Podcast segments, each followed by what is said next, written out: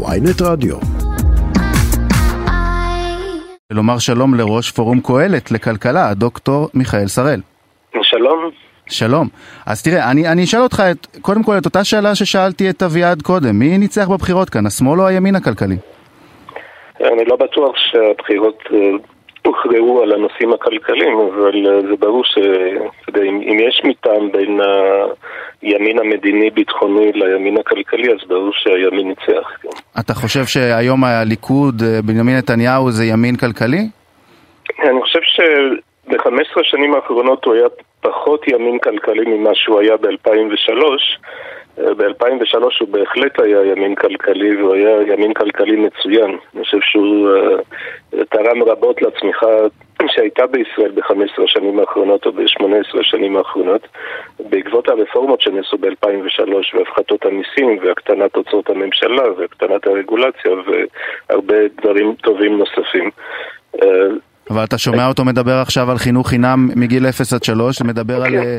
אה, להקפיא את הארנונה, סליחה, אה, לתת עוד כל מיני אה, סובסידיות של הממשלה. אתה, אני מן הסתם, מן הסתם זה לא באג'נדה שלך.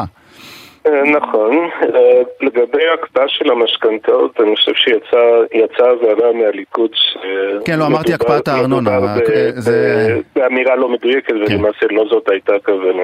נכון. ואני מברך על זה, כי באמת זה רעיון אה, נוראי להקפיא משכנתאות. אני חושב שמדינות נכשלות בעולם ניסו לעשות את זה ונכשלו כתוצאה מכך עוד יותר. עדיף לא להיכנס לפינות האלה, כי זה באמת מדיניות כלכלית חברתית נוראית להיכנס להקפאה. השפעות כאלה. עכשיו, מבחינת ההבטחות האחרות, אני מאוד מאוד מאוד מקווה שחלק גדול מההבטחות האלה הן הבטחות לצורך, אה, לצורך הבחירות. ולא באמת מתכוונים לעשות את כל הדברים שנעשו, כי אם אכן יעשו הדברים לאחר, לאחר מכן וייושמו בפועל, התוצאות לא תהיינה טובות. עכשיו, הן לא תהיינה טובות משתי סיבות. אחת, אה, סיבה כללית שהייתה נכונה גם בעבר, גם לפני שנתיים, גם לפני עשר שנים, אה, זה שהגירעון בישראל הוא לא נמוך. זה החוב, החוב הציבורי של ישראל הוא לא נמוך. אנחנו מדינה שנמצאת במצב גיאופוליטי מסוכן יותר ורגיש יותר מאשר רוב המדינות המתקדמות. Mm-hmm. ולכן אנחנו לא יכולים להרשות לעצמנו חוב ציבורי גבוה מדי, כי אז... לא תהיה לנו גמישות uh, למדיניות ביטחונית או, או למדיניות שתתמוך בכלכלה או בביטחון הלאומי בצורה אחרת. אתה מאמין אבל שממשלה של ש"ס, יהדות התורה והציונות הדתית ו...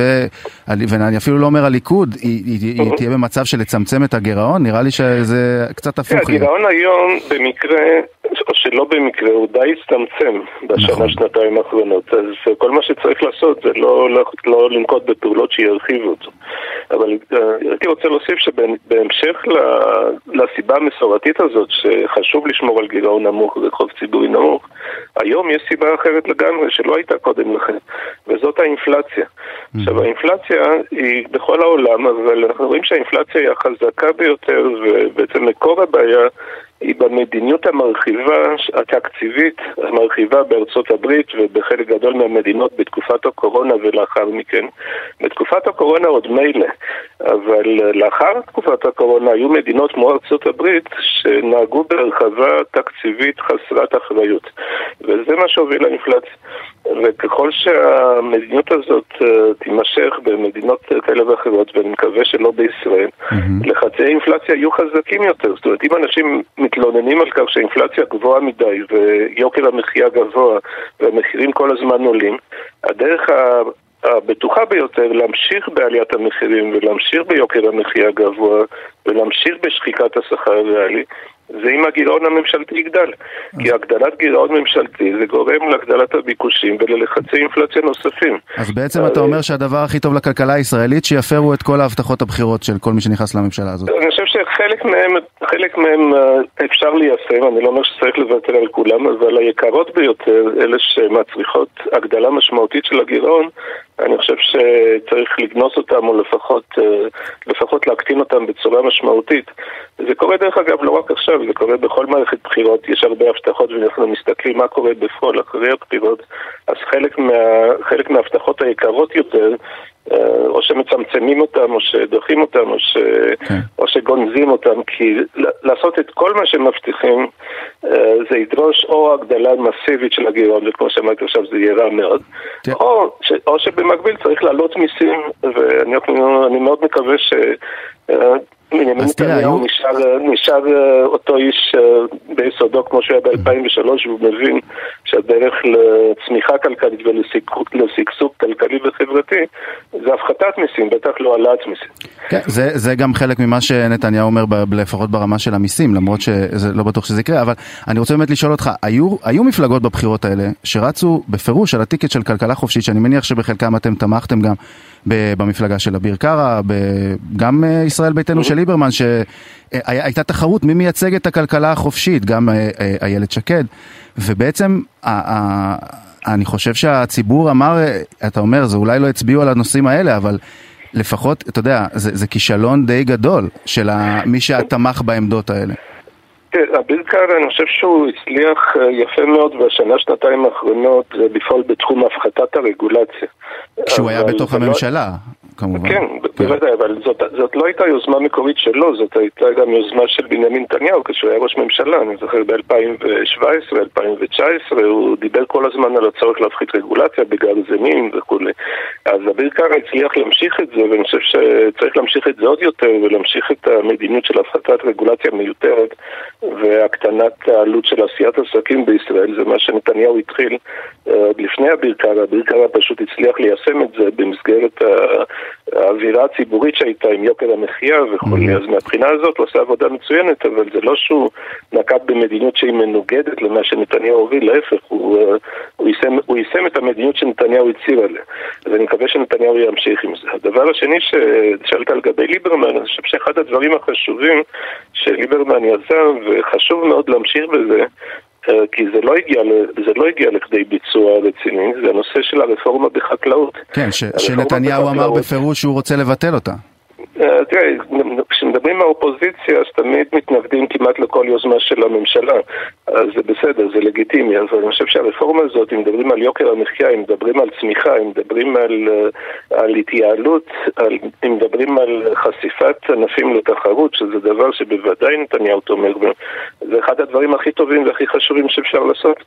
אותו דבר לגבי ועדי עובדים, ועדי עובדים אה, דווקא ליברמן בנושא הזה לא התקדם בכלל, אבל mm-hmm. בוודאי שממשלה שרוצה להגדיל את הצמיחה, להגדיל את העוגה ולא רק, לא רק לוודא שנתחים מהעוגה מגיעים לוועדים החזקים יותר ולקבוצות המקושרות יותר, אז כמובן שצריך להמשיך ב...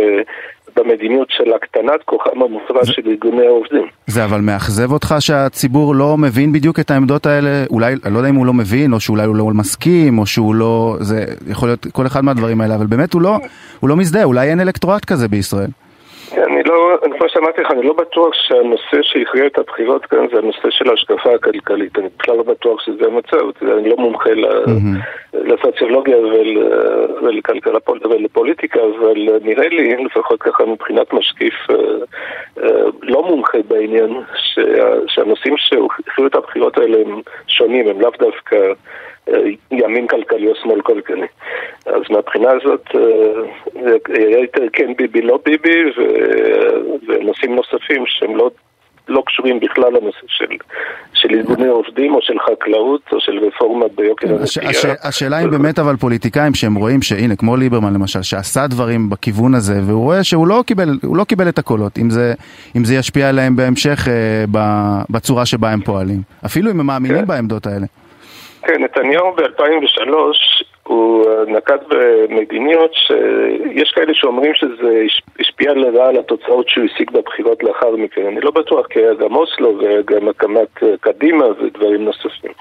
אבל יכול להיות שזה השפיע לרעה בטווח הקצר. בטווח הארוך הוא נהנה מאוד ממה שהוא עושה ב-2003, מבחינה פוליטית, אני אומר, מבחינת ההצלחה שלו, כי כולם... לאט לאט כולם הפנימו את העובדה שהרפורמות האלה היו מצוינות ותרמו לכלכלה וזה, והוא נחשב למר כלכלה ולאדם שמבין מי היית רוצה, ש... מי היית רוצה שיהיה כן. שר האוצר בממשלה הזאתי? סליחה שאני שואל אותך, פשוט אנחנו חייבים לסיים. כן, לא, אני לא אנקוט בשמות, אבל אני מקווה שיהיה מישהו שמאמין בכלכלה יותר חופשית ובמיסים יותר נמוכים ולא ב... תראה, יש לך אופציה של סמוטריץ' אולי, אם הוא ירצה. אה, כן, סמוטריץ', אני חושב שמההיכרות שלו, לא מאוד מעמיקה, אבל מההיכרות שלי איתו, הוא בהחלט, יש לו עמדות כלכליות בסיסיות מאוד נכונות. תודה רבה לך, הדוקטור מיכאל שראל, ראש פורום קהלת לכלכלה על השיחה הזאתי, ואני מודה לך. תודה.